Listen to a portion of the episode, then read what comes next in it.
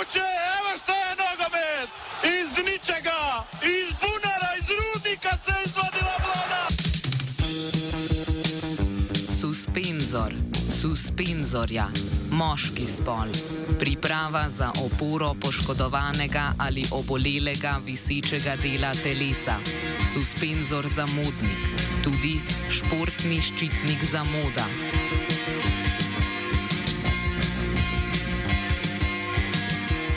Suspenzor suspenzorja, moški spol.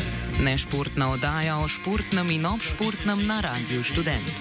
Tudi nešportni ščitnik vsega športnega. Tako je, hvatajte jih na spavanju, to je rešenje! Če bi sedaj le nekako eh, preračunali povprečen puls gledalcev, bi bil ta okrog 160 ali 170. Za gošt, za uživanje, za cijenjeni gledatelji!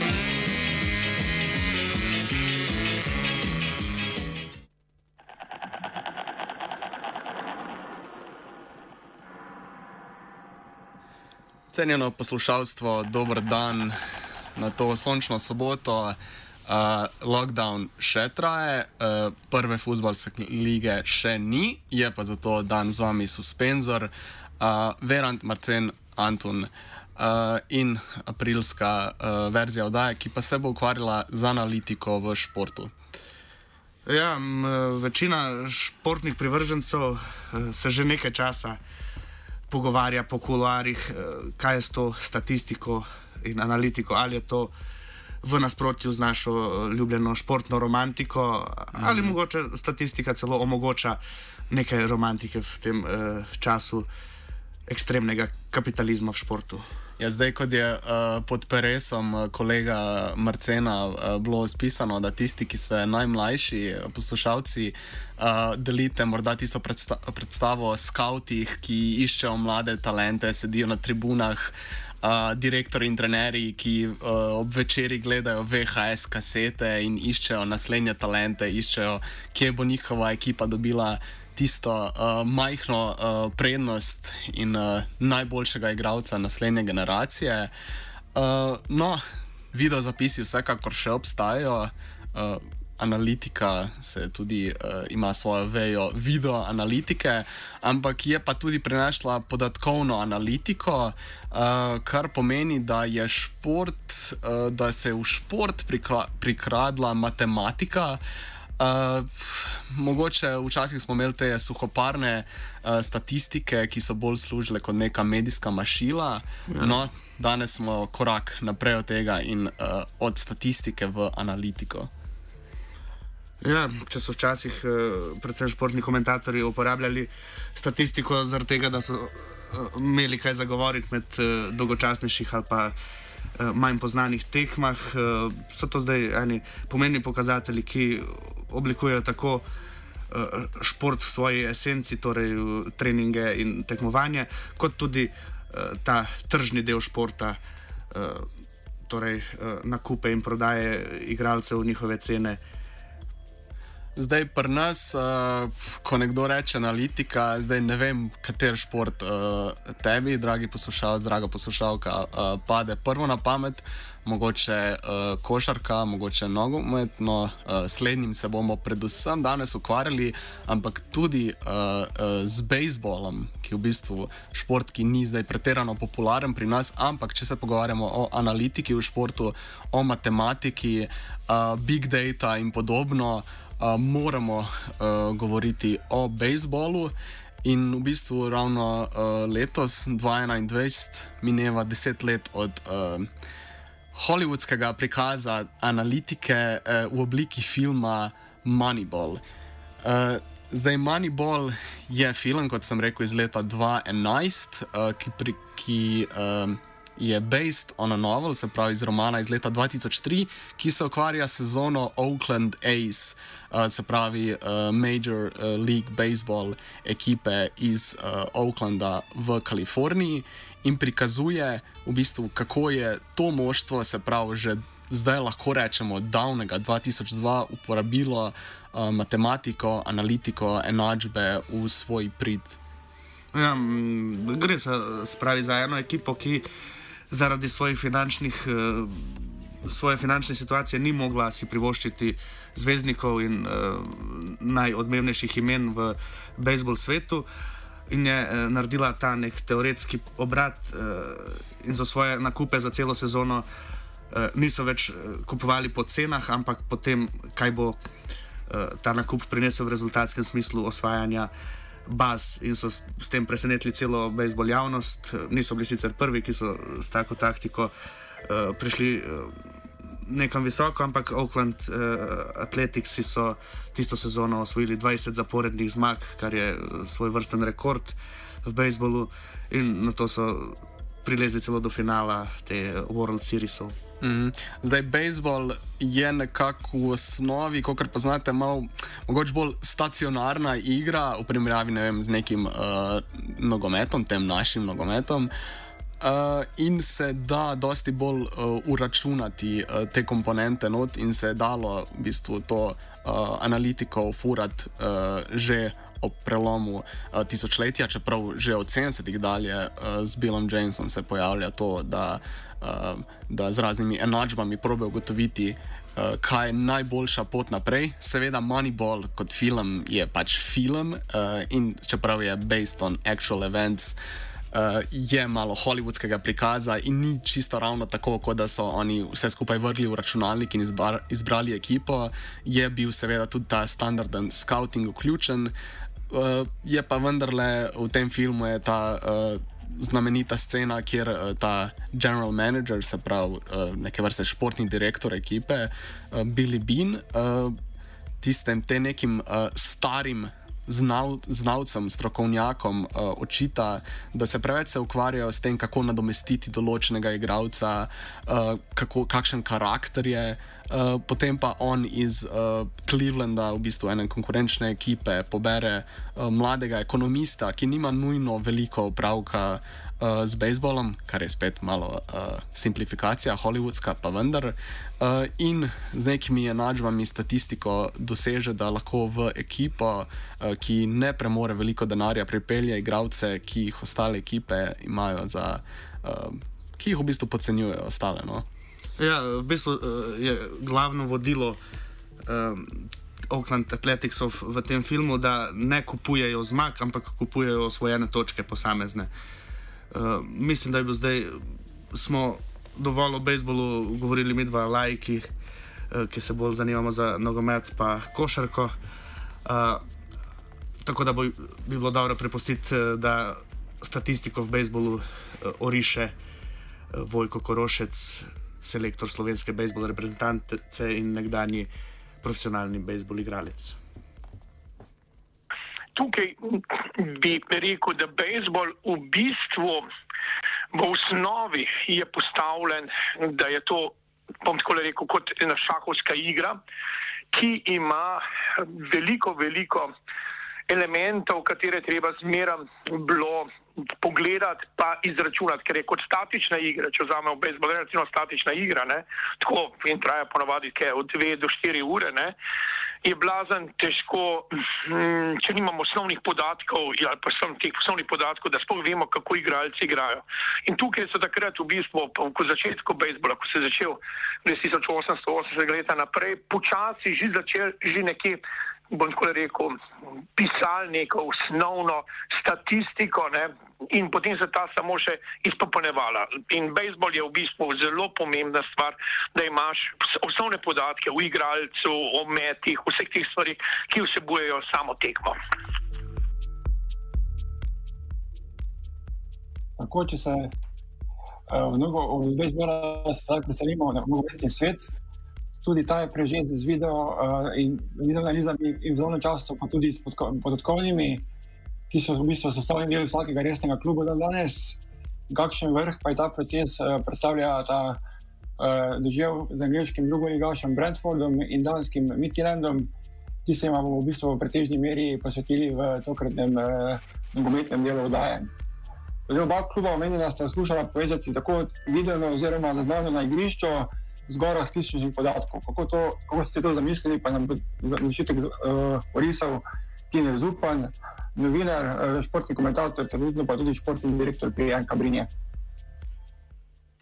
vse te, zdaj bom rekel, še relativno redki, ampak strogo na, na podatkih bazirani uh, modeli iščejo, seveda, tudi neko povezavo s tem, kaj, kaj lahko pove človeško oko. Um, in uh, tudi uh, pri tem danskemu Midlandu gre za to, da oni, kot, kot pravijo, so srce izenačili oziroma povezali z možgani. In, in to na nek način uh, je, je, mislim, da neka najbolj logična pot. Uh, in tudi, kar poznam, recimo, delno, delno sistem uh, scoutinga, ki ga recimo izvaja angliški Brentford, uh, ki, je, uh, ki je nekako, bom rekel, osnoven model tega kar dela Mitiran tudi eh, v Angliji uporabo, ker gre za istega lasnika. Um, gre tukaj za to, da oni, se pravi, neka skupina analitikov locira neke določene zadeve pri skupini igralcev, ki jih oni pač zagovarjajo oziroma iščejo znotraj svoje ekipe. Um, oziroma, jih vidijo kot potencial za nek, za nek individualni razvoj, in potem to združujejo um, z ogledi neke skupine, skupine skavtov, ki dejansko pogleda v, v to statistiko, niti nimajo. Se pravi, oni dejansko zelo kombinirajo oba oba ta dva pristopa, jasno pa, da obstaja neka, neka vrhovna celica v klubu, ki ima v pogledu v, v obe smerine. In mislim, da je to nekako tudi eh, neka najbolj eh, logična in smiselna potne. Razvoj angliškega, razvoj angliškega in danskega kluba je tesno povezan z lastnikom uh, Matthewom Benhamom. Je za zanimivo, da je v bistvu tudi diplomiran fizik, ki prihaja iz uh, slovenskega sveta kjer je v sklopu svojega podjetja Smart Odds uh, razvil različne napovedne modele na podlagi statistik, uh, kasneje pa jih je prenesel v klub. Kako je vstopil v resničko tako v Brentford leta 2012 in kasneje v Midland. Pot tega Matthewa Benama je zelo tudi, recimo, misteriozna in na nek način specifična, ker je on, on je človek, ki je študiral na Oxfordu, kasneje um, je. Eh, deloval v stavniški industriji, kjer je tudi eh, pač z nakupom nekih določenih podjetij začel razvijati te neke metrike, um, ki so bile takrat predvsem, uh, predvsem uh, njihova uporaba je bila namenjena temu, da so oni uh, lahko določali stavniške kvote. Ne? In iz tega. Iz tega so tudi razvili ta famozni expected goal, se pravi, pričakovani goli model, to metriko, ki je danes verjetno celo najbolj uporabljena uh, v, v nogometni analizi.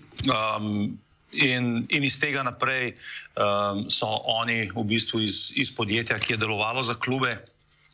Um, je on dejansko začel, začel te modele uh, uporabljati tudi v samem klubskem delu. Ne? In uh, dejansko, recimo, en uh, Brentford je uh, zelo, zelo rigorozno stopil na to pot, tudi na, tudi na račun uh, bom rekel, eh, razhoda eh, z zelo uspešnim trenerjem tistega časa, to je bil Mark Warburton, ki jih je, um, ki jih je pripeljal skoro v prvo ligo, ampak se na koncu s tem modelom, ki bi baziral strogo na ali pa zelo podarjeno na statistiki in z modelom, recimo športnega direktorja, ki so ga v klubu hoteli nastaviti, pa ga prej ni bilo, ni strinjal in so ga pač brez težav odstavili, ker je pač ta model takrat bil sicer še v nekakšni embrijo fazi, ampak model je bil predvsem pred nekim individualnim pristopom ali um, monumentalnim rezultatom, ne, ker oni tudi uh, izhajajo iz, iz tega um, da rezultat sam je lahko v nekih določenih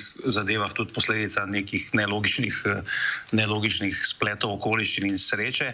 In uh, recimo pri Mitilandu je neka znana zadeva, da oni um, te statistične metrike takoj med polčasom in po tekmi posredujejo svojim trenerjem, da znajo trenerji um, nekako vrednost tega, kar, kar je bilo vidno tekom tekme ali pa med polčasom predstaviti igralcev in kasneje tudi medijem. Se pravi, če oni zmagajo neko tekmo 2-1, um, z velik sreče jih ne bo zavedel rezultat, da bodo, da bodo to nekako razpihovali v smislu, um, v smislu tega, da rezultat zasenču vse ostalo, ampak je njim pač neka ta vsebina, vsebina bistvena. Dan danes Brentfordu in Midlandu sledijo številni klubi, v bistvu vsi največji se upirajo, pa tudi drugi klubi se opirajo na različne statistične parametre in resnega dela v nogometu, si praktično uh, trenerji, pa športni direktori in ostali vključeni v ta proces ne znajo predstavljati. Kar pa vendar le deli eh, omenjena kluba od ostalih, tudi največjih, pa je to, da so podatki, podkovne baze in eh, iz tega izpeljane analize njihovo srednjo urodje, medtem ko je pri ostalih klubih še to nekako dopolnilna, dopolnilna dejavnost oziroma dopolnilna pomagala. Ta dva kluba, od, kluba odstopata predvsem v smislu tega, da sta mehna kluba, ki relativno mehna, jasno, v nekem panevropskem pogledu, v smislu tega, na kakšen način sta se tega lotila in v kakšnem obsegu. Ne. Zdaj, dan danes te, te največji klubi, ki so pač dejansko neke poslovne korporacije, vključujejo um, vse te podobne zadeve. Um, in jasno, imajo cele, cele trope teh nogometnih analitikov, ki marsikaj, marsikaj secerajo. Je pa seveda logično, da, da je na koncu najbolj pomembno, kako ti te podatke, ki jih izbereš, implementiraš. Ne? In zdaj, če imaš ti v nekem klubu, recimo, to kot nekaj, kar mora biti zraven, nisi pa de facto tako usmerjen v to, da boš, eh, da boš dejansko bil nek, bom rekel, sektaš, eh, kar se tega tiče, če govorimo recimo o trenerju, ne, nekemu zelo uspešnemu, ki ima vendarle več dana neke svoje procese, če govorimo o celi športnem ustroju kluba. Tukaj je prav pač največja razlika v tem, da, da, da te dva kluba res imata to za, za neko svojo absolutno osnovo in od tega, tega ne odstopa, ta druge pa mislim, da se zadeve vendarle nekako eh, na nek drugačen način prepletajo. Ne. Um, imamo recimo tudi en zelo znan primer iz Liverpoola, kjer je ta športni direktor Michael Edwards ki je pač tudi skupaj, skupaj z Jurgenom Klopom sestavil to ekipo, ki je, eh, ki je usvojila Ligo prvakov in pa tudi naslov prvaka v Angliji v lanski sezoni, je tudi prišel iz analitičnih vodne. In dan danes imamo v bistvu ogromno nekih eh, primerov ljudi na, na zelo visokih položajih v nogometu, ki dejansko futbola na nekem prijemljivem profesionalnem nivoju niti niso igrali. In tle se lahko recimo, vračamo na, na tisto znamenito, znamenito izjavo Riga Sakija, ne, tvorca velikega Milana iz konca 80-ih in 90-ih let, eh, ki ni igral nogometa profesionalno in so ga pač s tem takrat še veliko bolj zbadali in je rekel, da ni vedel, da si mogel biti kon, če si hotel biti joki. Ne. To je pač ta neka znamenita izjava, ki je sicer že precej prezvečena, ampak dejansko je to neka stvar, ki, ki ima še vedno recimo veljavo tudi v v, v tej poplavi, um, v poplavi to vrstnega folka, dan danes tudi na vrhunskem nivoju futbola. Mislim, da so se te meje, uh, kar se tega tiče, precej zabrisale in tudi neki te predsotki, uh, kar se tiče v, uspešnega dela takšnih ljudi, tudi na najvišjem eh, nivoju, nivoju športa, da, da to dan danes je, je že precej bolj sprejemljivo in normalno. Ne.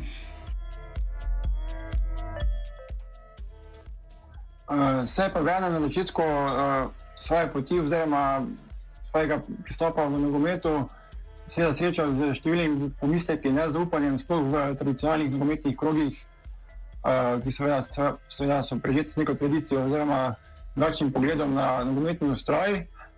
No, nekoliko drugače je bil morda v danskem Midtjyllandu, ki je bil sam po sebi nekako dozeten za spremembe in je že, že pred njegovim prihodom uh, uporabljal določene inovativne pristope. Uh, zdaj, če se malo ustavimo pri tem danskem klubu, gre v bistvu za dokaj zanimiv uh, primer, ki je nastal klub pred, pred komaj 20 leti, natančno 1999, z združitvijo dveh manjših klubov in sicer Ikasta in uh, Herninga. In se je potem dokaj hitro uh, povzpel v prvo dansko ligo, no lani, oziroma v sezoni 2019-2020, pa so postali celo prvaki in se potem celo vrstili tudi v v Ligo prvakov. Jasno je, da so pač neki taki zelo specifični in mogoče tudi kar revolucionarni pristopi ne, v nogometu, ki je uh, vendarle šport prežet z neko tradicijo, sprejeti z ogromno neke skepse. Ne. In, uh, pač poglavitna stvar je, da, da, da se neka, eh, neka zadeva izvije iz tega, da jo tradicionalisti pač teptajo kot smešno. Je to, da je pač eh, rezultat na igrišču um, dokazljivo uh, posledica um, nekega takega razmišljanja, kot je pri teh dveh klubih, uh, to zelo močno naslanjanje na te, na te statistične stvari. Je bil pa Mitilan, recimo, že preden je Benem prišel v klub. Uh, je, je, bil, je bila to neka sredina, ki je bila zelo usmerjena v neke inovativne pristope. Oni so tudi prvi na Danskem uh, zastavili nogometno akademijo, prvi so na Danskem začeli trenirati petkrat na teden otroke, uh, oziroma vsak dan otroke in ne samo trikrat, kar je bil prej, prej primer in so s tem tudi recimo, sprožili neko revolucijo še pred njegovim prihodom, tudi znotraj, znotraj samega razvoja mladih igralcev, igralcev na Danskem. Tako da na, na nek način uh, sta se tle verjetno srečali uh, srečali neki dve, dve poti.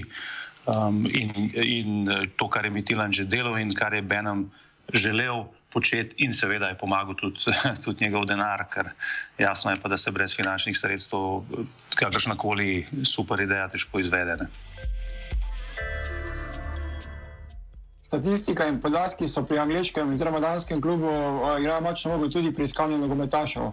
Zdaj, če recimo pri konstruiranju same igre, oziroma taktike, oziroma sloga igre, kako koli to imenujemo, eh, mogoče tukaj v spredju prečuti model expected goals, eh, je pri iskanju igralcev eh, nekako v, v, v spredju prihaja eh, sistem eh, key performance indicators oziroma leading performance indicators, ki s pomočjo različnih kazalnikov statistično vrednoti formo oziroma sposobnosti določenih nogometašev na tržišču za njegovo uporabo in razvoj tega sistema je nekako vključen bil Rasmus Ankersen, ki ga je Benem spoznal prav na Danskem eh, in se je že prej v bistvu ukvarjal z iskanjem najustrežnejših pristopov, kako odkriti mlade talente širom po svetu. Seveda pa pri, tako pri Brentfordu, kot pri Mitterrandu, kot, kot smo že rekli, ne gre samo za statistiko, številke in podatke, ampak se skušajo to kombinirati nekako tudi z lastnim, lastno oceno ob, ob pogledu videoposnetkov tekem, oziroma tudi ob gledih v živo. Uh, imajo razvijen uh, sistem nogometnih skavtov, uh, proces iskanja talentov pa gre skozi več faz, uh, v katerih poleg te analitske službe sodelujejo seveda tudi uh, ugledniki na samem terenu. Več o tem pa Sanel Konjevič, uh, nogometni uglednik, ki iz več let sodeluje z angliškim Brentfordom. Ta, bom rekel, celoten scouting department je sestavljen tako in tako iz več različnih profilov ljudi, ki sodelujejo tam. Ne. Eden je pač ta, bom rekel, čist modelaren, matematičen, statističen, ki izloča, izločajo in so tako imenovani data analitiki. Uh, drugi pa pač potem skauti, ki pa pač tudi neko svoje znanje, bom rekel. Nogometno, analitično vključujejo v to, da se pač igravce analizira. Zdaj, um, pač prvotna stvar je, da poznaš, uh, kako igra Brentford, kaj je njihova vizija igre, kakšen je njihov model, kakšne igralce iščejo. Uh, potem tudi obstaja, bom rekel, en tak. Uh, Program, ki je, ali pa ne vem, lahko rečem, workbook, ne, na podlagi katerega uh, je skautom lažje ocenjevati, pa pač re, realno oceniti, kakšne igralce Brentford lahko privabi, kakšni igralci imajo neko možnost, da bi v Brentfordu lahko uh, napredovali, pa postali boljši igralci.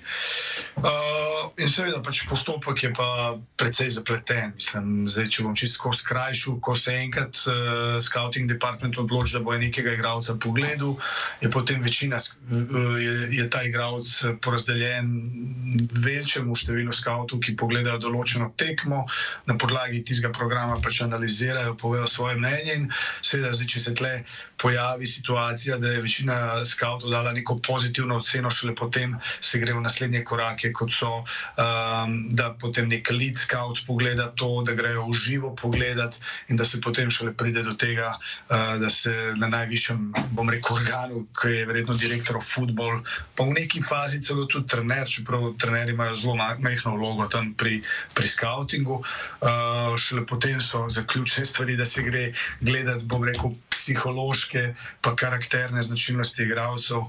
Uh, zadnje pa je seveda pač finančne zmogljivosti, menedžerji in tako naprej.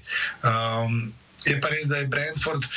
Um, V zadnjem obdobju, jaz govorim zdaj malo za Brentford, no se Midtjylland ima podobno zgodbo, s tem, da pač Midtjylland igra v dosti slabši ligi. Uh, Brentford uh, zelo veliko um, da tudi na to, da prepelje igralce. Karakterja, ki se lahko prilagodijo v klubu, ker ta klub na koncu koncev je relativno majhen klub, ne, ker jim daje drugo šanso. Ne. Večina igralcev so ali tisti, ki so šli čez neke akademije večjih klubov in si jim ni uspelo takoj prebiti naprej, ali pa gre za bodi se za igralce, ki so. Že naredili nek dober prestop, pa jim tam ni uspelo pač narediti karijere, in zdaj se pač nekako vračajo. No. Eh, potencijalne ukrepitve poteka najprej eh, preko videozapisov tekem, v kasnejši fazi pa se, se seveda eh, skavti oziroma ogledniki nogometaša pridejo pogledati tudi v živo na same tekme. Zdaj vsak, vsak igralec, ki bi lahko potencijalno ukrepil Brentford oziroma Midland, gre skozi več parov oči, s tem pa nekako skuša klub zagotoviti pač različnost mnenj in pa neko večjo objektivnost. V tej prvi fazi je večjih, zaradi tega, ker lahko bi se zgodilo na pamet, govorim, da pač uh, ti dobiš enega igralca, ki ga poznaš že tako ne, in si že čustveno navezan na njega, ker veš, kaj je on sposoben. Dejansko podcenjuješ pač njegovo igro v določeni tekmi. Uh, in zdaj pač, tako kot vsa ta statistika in uh, kolekcija data, uh, podatkov, ne, dobiš pol neko poprečje. Ne. Zgodi se tekma, kjer je lahko igralec fantastičen in se ti zdi res dober, zgodi se tekma, kjer je igralec zelo slab. Zgodi se tekma, kjer igralec igra povprečno, ima dobre stvari, slabe. Ne? Dejansko moraš, uh, izluščiti moraš ven stvari, ki so, bom rekel, povezane z Brentfordovim načinom igre, z uh, tipom igralcev, ki ga oni uh, pač iščejo, spremljajo. Tako da čim več je teh povezanih karakteristik in značilnosti, uh, lažje je pač pol opcija, da se pride, bom rekel, na next level scoutinga, kjer pa prihajajo pa že uh, ljudje, ki so malo več odločeni odločajo o sam, samem dogajanju, uh, vezanega na prihode igralcev. Zdaj, zdaj, ker gre za manjša kluba, tako pri Brentfordu in še v večji meri pri Midlandu, je seveda velik faktor tukaj, eh, tukaj so tudi finance. Kluba si skuša zagotoviti kvalitetnega igralca, ki je z nizko, nizko ceno in ga seveda potem v kasnejši fazi dobro prodati. Zato so recimo včasih izbire in ukrepitve dokaj nenavadne nekonvencionalne, sploh v nekega pogleda nek, nekega večjega kluba oziroma neke splošne predstave.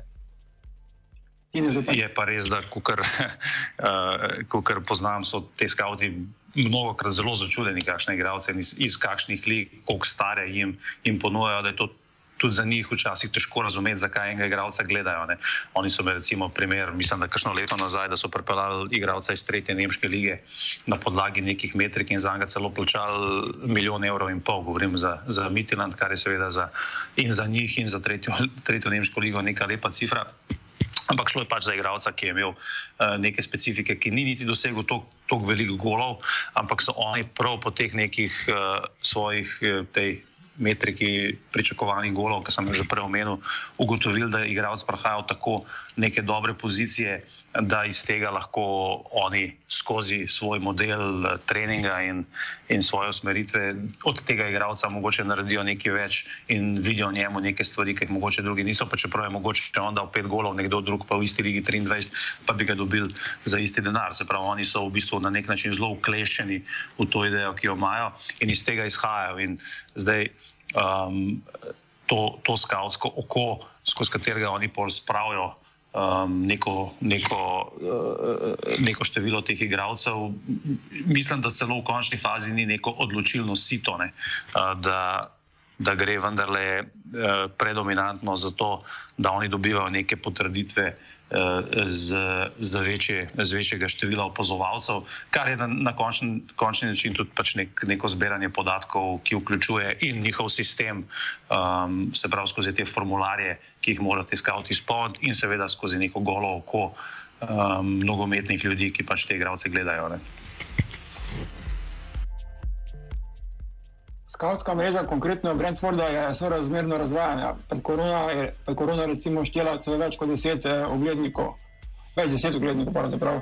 Na podlagi dobrih izkušenj pa se kljub eh, recimo fokusira predvsem na francoske vreči trg, tako da ima za to regijo posebnega oglednika, medtem ko recimo ostali ogledniki ne pokrivajo posamezne lige, ampak pokrivajo recimo regije. Konjevič. Pred korono je bilo ogromno število skavtov, mislim, ogromno, jaz bom rekel, okoli 30. Uh, seveda, to so bili pač uh, skavti, ki so po celem svetu, uh, dejansko, da bi imeli prav neko specifično ligo. Ne. Uh, pač si igra, dobiš igralce, ki so, kot sem že prej govoril, ali se, ali se jih priporoči, ali na podlagi statističnih podatkov izstopajo. Uh, Seveda, ne, glede na pač uspeh Brentforda s prodajo, pa, uh, da so v zadnjih parih letih pripeljali zelo veliko igralcev iz francoskega trga, so bili v zadnjem času pač še enega posebnega skavta za francoski trg, uh, ker so se tam fokusirali, ker so igralci, ki prihajajo iz tistih lig, fizično že tako dovolj pripravljeni, da igrajo v Championshipu. Uh, ugotovili so, da je pač bom rekel, zdaj govorimo o drugi francoski ligi ali pa pač mogoče tisti eh, spodnji del prve francoske lige, um, že ima tako kvaliteto igralcev, ki lahko v bistvu po eni krajši prilagoditvi v Championshipu že zelo hitro dosežejo level Premiershipa v Angliji, kar pomeni, da je tudi z finančnega aspekta bilo win-win situacija, ne? da si kupil relativno pocen, mal še dvigno igralcev v smislu pač nogometne prilagoditve in ga potem to pol tudi prodal. Ne?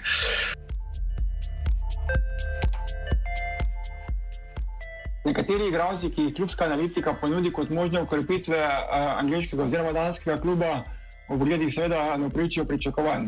Vendar, če jim ne uspe pristop, to še ne pomeni tudi, da gledajo z klubskega radarja, uh, klub še naprej opazuje in morda v kasnejši fazi se odloči za ponovno vlet in morda angažma tega igralca. Se pa tudi dogaja, da posamezen scout recimo nekega igralca ne oceni kot potencijalno ukrepitev, pa vendarle potem uh, skozi ocene drugih bilo je sodelavcev, vendar je prestopil v, v danski oziroma angliški klub. Uh, zdaj, prej Brentford ima samo prvo in drugo ekipo, nima policijskega pogona, tako da iščejo uh, igralce za te dve množstvi. Nekoliko bolj formirani igralci igrajo seveda v prvo ekipo, medtem ko talenti, oziroma ne še toliko izdelani nogometaši zasedajo drugo ekipo. Brentford se tudi, uh, tudi kupuje igralce, ki ne vem, bom rekel, da ga mogoče niso videli, ker je nekdo, ki je že uh, dokazan, ko se pojavi določena priložnost. Uh, na drugi strani se tudi zgodi, zgodil se primer, da so vem, vzeli igralca pred dvemi leti iz Polske lige, ki pa je uh, par let nazaj igral v Kopru celo. Uh, Meni se takrat v Kopru nikoli ni zdelo, da bi lahko igral za Brentford, ne?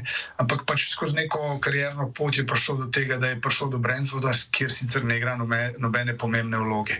Drugač, pri igralcih je tako, da, kot sem že prej rekel, jaz mislim, da uh, ko se gleda igralca, ukolikor je slaba slika, uh, ne vem, da imamo zdaj reči petih tekem, kjer pet ljudi pogleda pet tekem enega igralca in če ni pozitivne slike, se pač tle zaostava točka. Kar pa ne pomeni, da tega istega igralca ne bo gledal spet čez eno leto, kolikor bo on, uh, bo on pač napredoval, koliko se bo pojavila, pojavila zadeva, da bi pač lahko, uh, da bi lahko bil aktualen za klub.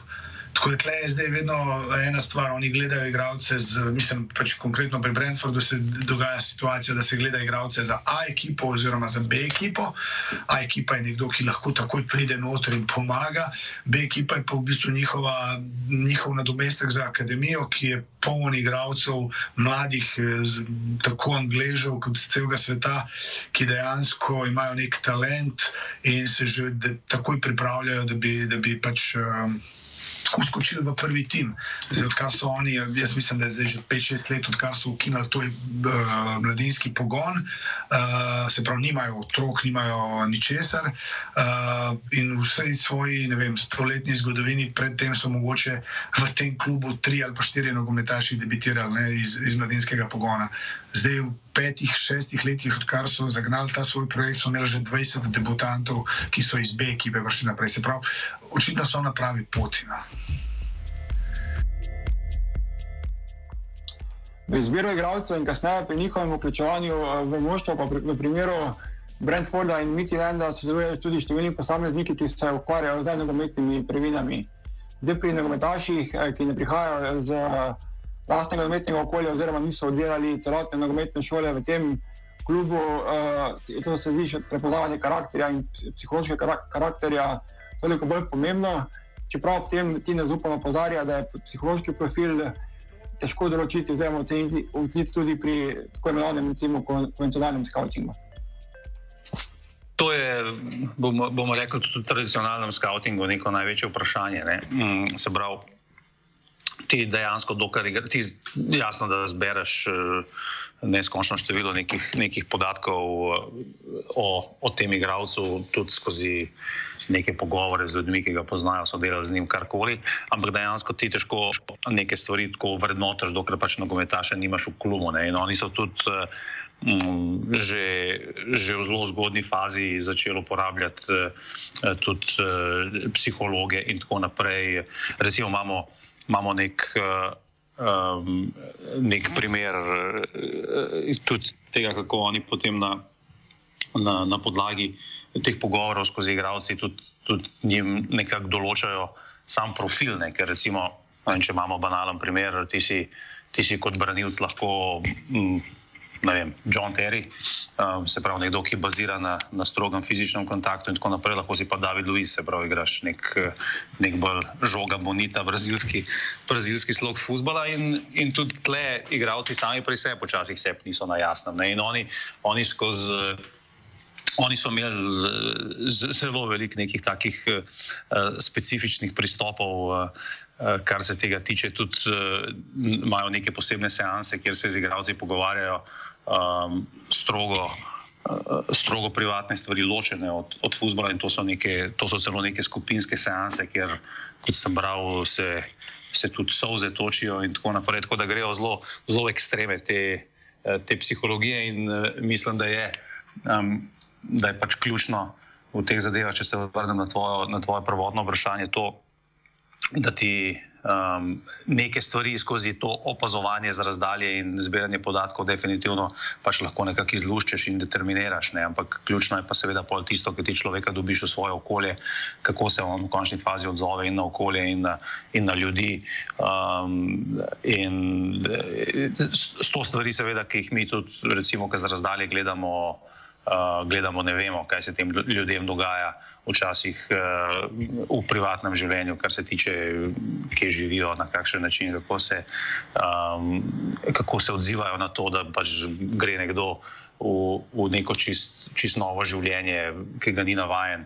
Um, in jasno je, da, to, da je to pač vse vpliva, in jasno je, da, da se v bistvu s tem lahko, lahko spopadaš samo na licu mesta, kljub temu, da imaš neke ustaljene kanale, uh, na kakšen način to počneš. In oni, oni definitivno tudi, kar se tega tiče, veliko delajo. Ne? In tudi tle, tle imaš še ogromno nekih, eh, nekih stvari, ki so v futbolu zelo pomembne, pa še smo recimo v nekem pionirskem. Uh, pionirskem delu razvoja in spoznavanja, kot je recimo vpliv spanja in, in take zadeve, ki, ki sicer so jasno že zelo napredovale, kar se tiče raziskav, ampak uh, je tle uh, še ogromno nekega prostora za napredek, ki, ki ga taki klubi definitivno razumejo in, in se tega tudi lotevajo na ta način, da to čim bolj spoznajo. Ne. Tako, danes smo se v nogometnem delu posvetili predvsem fenomenu Brentforda in eh, Danska Midlanda. S tematikom se bomo nadaljevali še eh, kakšne prihodnjih hodaj, ko se bomo posvetili bolj implikaciji statistike in podatkovnih baz, eh, analitike na tem področju v nogometu, kakor tudi vplivu to vrstnih strategij na mladinski pogon oziroma na mladinsko šolanje nogometašev. Sedaj pa se vračamo k bejzbolu. Ok, hvala, Marcen. Uh, ja, uh, kot je rekel uh, Nate, se pravi, uh, še se bom vrnil k, k tej temi. Uh, analitika je, kot smo ugotovili, absolutno preširoka tema uh, za eno oddajo suspenzorja, tako da pričakujte nas spet v maju uh, z isto temo, kjer se bomo pa spet vrnili futbalu, ampak tudi košarki. Zdaj pa vendarle dajmo besedo bejzbolu, ker kot smo rekli na začetku oddaje, tam se je v bistvu vse to skupaj začelo. Ja, bejzbolka, zibelka, bejzbol, zibelka, eh, športne statistike. Eh, Vojko Korošas nam bo na kratko predstavil zgodovino uporabe statistike v bejzbolu. Najzanimivejše je bilo recimo eh, takoj po drugi svetovni vojni. Eh, ko je pa mogoče čist za poslušalce, ki težko prebavljate ameriške športe, ko je bejzbol dosegel tudi igrišča v Jugoslaviji, en izmed najbolj znanih bejzbol klubov je, bil, je bila Splitska Nada, ampak tam pa še niso uporabljali statistike. Več o tem pa Vojko Korošec, selektor slovenske bejzbol reprezentance da se predročimo na Ameriko, ne, kot tisto centralno, ki je to v bistvu, bom rekel, domovina tega športa. Ne, pa čeprav vzamemo, da je tudi v Jugoslaviji že 1900, 1800, pa še nekaj, 880, 890 leta ali 1900, bom rekel, tam je že bil bejzbol, prvi klubi so bili v Dalmaciji. Ne? Če se če gramo, pogledamo Split, Kanada, ko se je drugače imenovala, je že bejzbol obstajal po celi Evropi, v nekaterih državah. Ne? Ampak bistvo v Ameriki se je takrat zgodilo, da je takrat vojna povzročila, da so te igralci odhajali na fronte in takrat so imeli žensko ligo, ki so igrali uh, posebej. In to je v bistvu, takrat je statistiko v bistvu relativno zamrla. Ne? Se je pa potem absolutno začela razvijati in če dalje več, takoj po tem zadnjemu letu, ko je bilo in je v bistvu še danes popolnoma enaka, celo še izpopolnjena. Ne? Takrat nismo imeli meritev, nismo imeli radarjev, nismo imeli teh stvari, takrat še ne, bilo vse v povoj.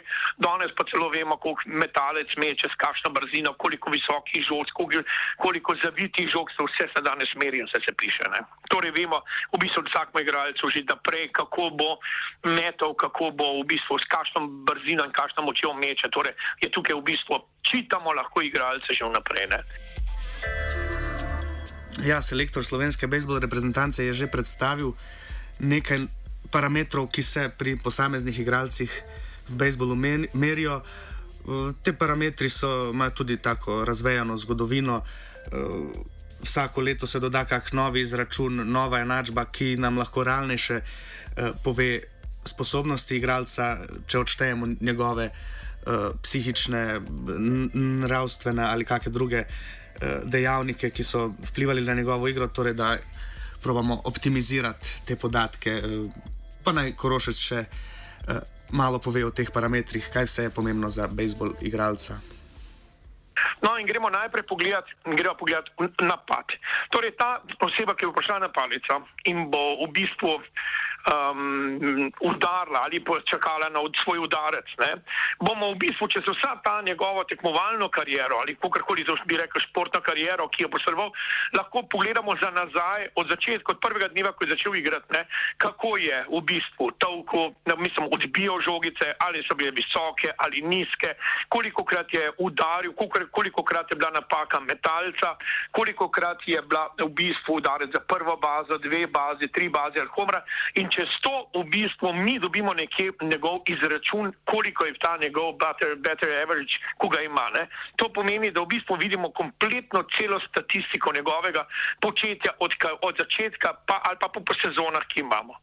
Potem gremo v bistvu, potem ga vidimo, kje so ga izločili, na kjer je v bazi, ali so ga vločili med igro, ali je kradel bazo. Torej v bistvu je cel, cela gora teh neznank, ki nam jih pa v bistvu ta statistika pokaže. Na to so pa polne statistike, ki jo danes uveljavljajo vsi. Če pogledamo ameriško, že NBA, košarko ali pa tudi nogomet, že danes delajo vse statistike, kdo prelaufo, kje so bili. Še posebej pa potem prihaja tudi v obrambi ta statistika za tega istega igralca, pa vemo, kako je ta igralec igral, kako je lovil žogo, ali jo je ali jo je spustil, kje jo je, na kateri poziciji. Veliko smo že povedali o tem, kako je uporaba statistike vplivala na trg nogometnih igralcev a še večji vpliv je imela na trg bejzbol igralcev. Eh, praviloma so pred množično uporabo statistike najviše cene dosegali igralci, ki so bili izjemni, predvsem v eni prvini bejzbola kot športa, torej tisti, ki so najdlje odbili žogo, ali pa tisti, ki so zelo dobro ocenili, pa so jo uh, dobro ujeli. A v resnici uh, nam te prvine ne, same po sebi ne uh, določajo dobre igre in dobrega igralca. Tako da statistika v bejzbolu je predvsem eh, zajela vse tiste druge elemente tega športa, ki so pomembni na koncu za doseganje točk, čeprav niso toliko spektakularni. Um, Vojko predstavi uh, vpliv statistike na trg bejzbol igralcev. Je pa ena zelo velika zanimivost, ne, zanimivost ki je pa nastala. Ne.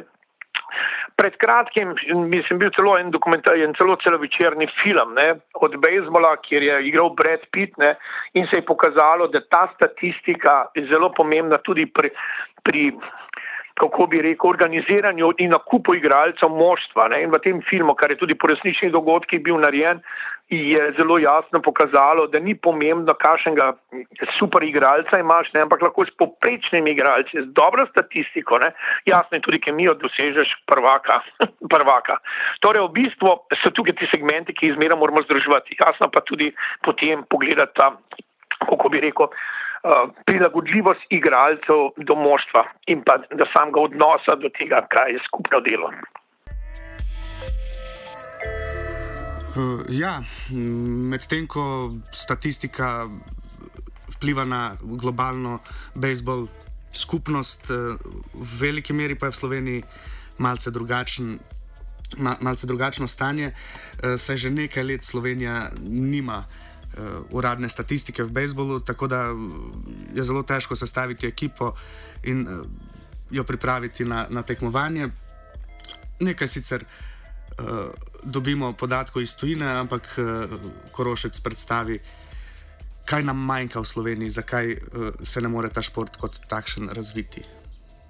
Mi, v bistvu, trenerji, jaz še posebej zdaj kot selektor državne reprezentance, zopet imam to m, m, tukaj, naprimer, pri nam govorimo o Sloveniji, imam med velik handicap, ker te statistike leta in leta pri nam so bile relativno pomankljive. Ne? In to je zdaj v tem primeru jasno. Tukaj so drugi segmenti bili finance, organizacija, v bistvu vlaganje v ta projekt tudi v končni fazi hm, države. Je problem nastaja, da nam je ta del padel, ker za statistiko rabimo statističare, rabimo zapisnikare, rabimo celo zgodbo. Ne? Bliža se tudi Evropsko prvenstvo v bejzbolu, konec junija bo potekalo, sodelovala bo tudi Slovenija.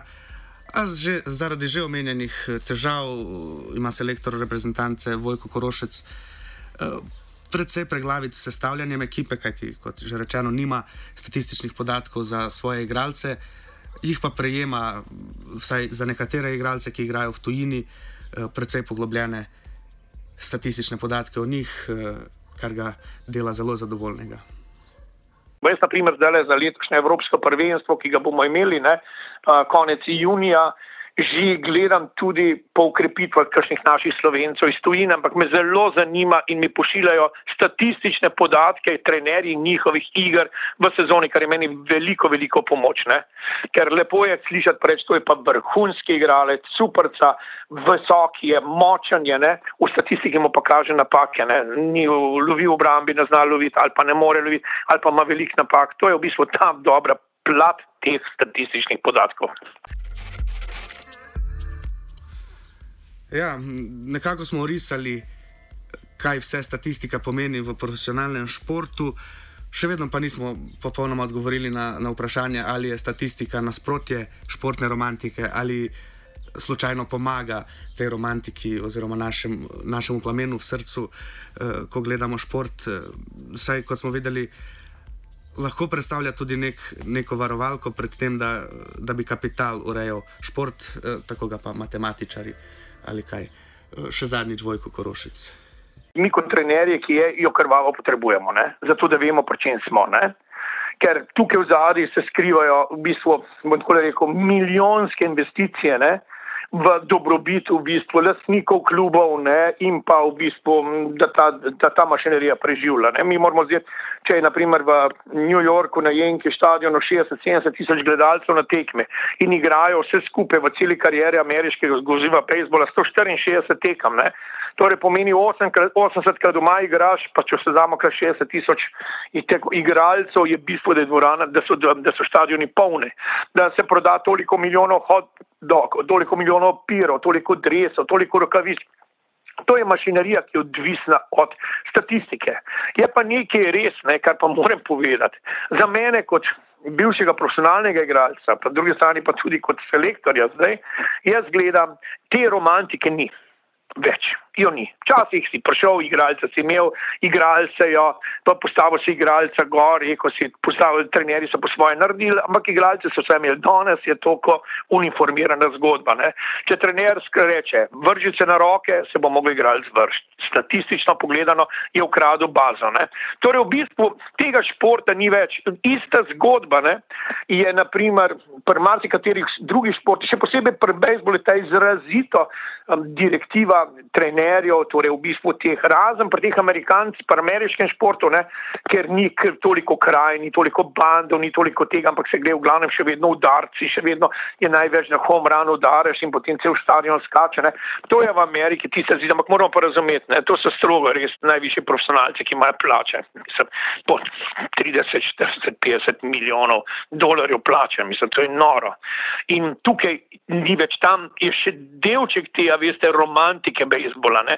če dovoli, pa če udari, ne? drugače pa to čista statistična stvar, ki funkcionira. Romantično ali ne, športna analitika je stvar realnosti in predvsem stvar prihodnosti. Uh, zdaj, mogoče ste videli, da se fokusiramo uh, uh, tako bolj uh, kapitalsko močnih uh, panogah, kot je uh, futbal ali pa uh, bejzbol, na primeru iz ZDA, v naslednji oddaji um, boste tudi lahko prisluhnili o NBA-ju.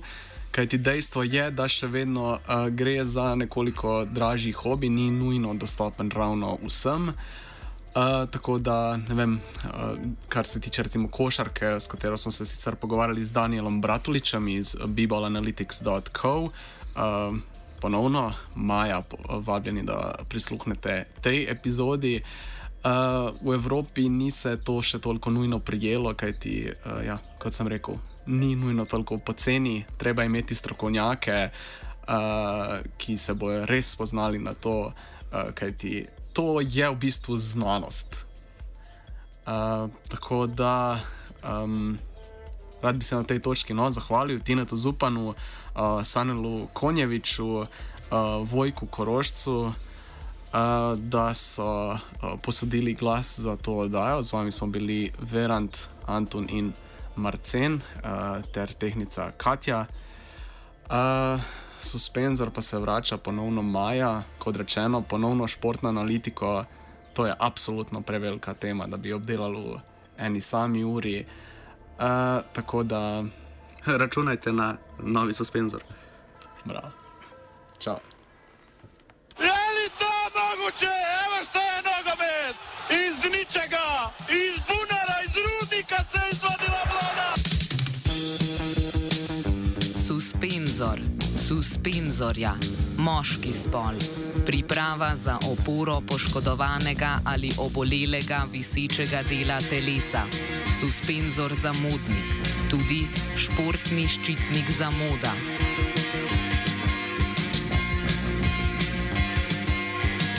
Suspenzor, suspenzorja, moški spol.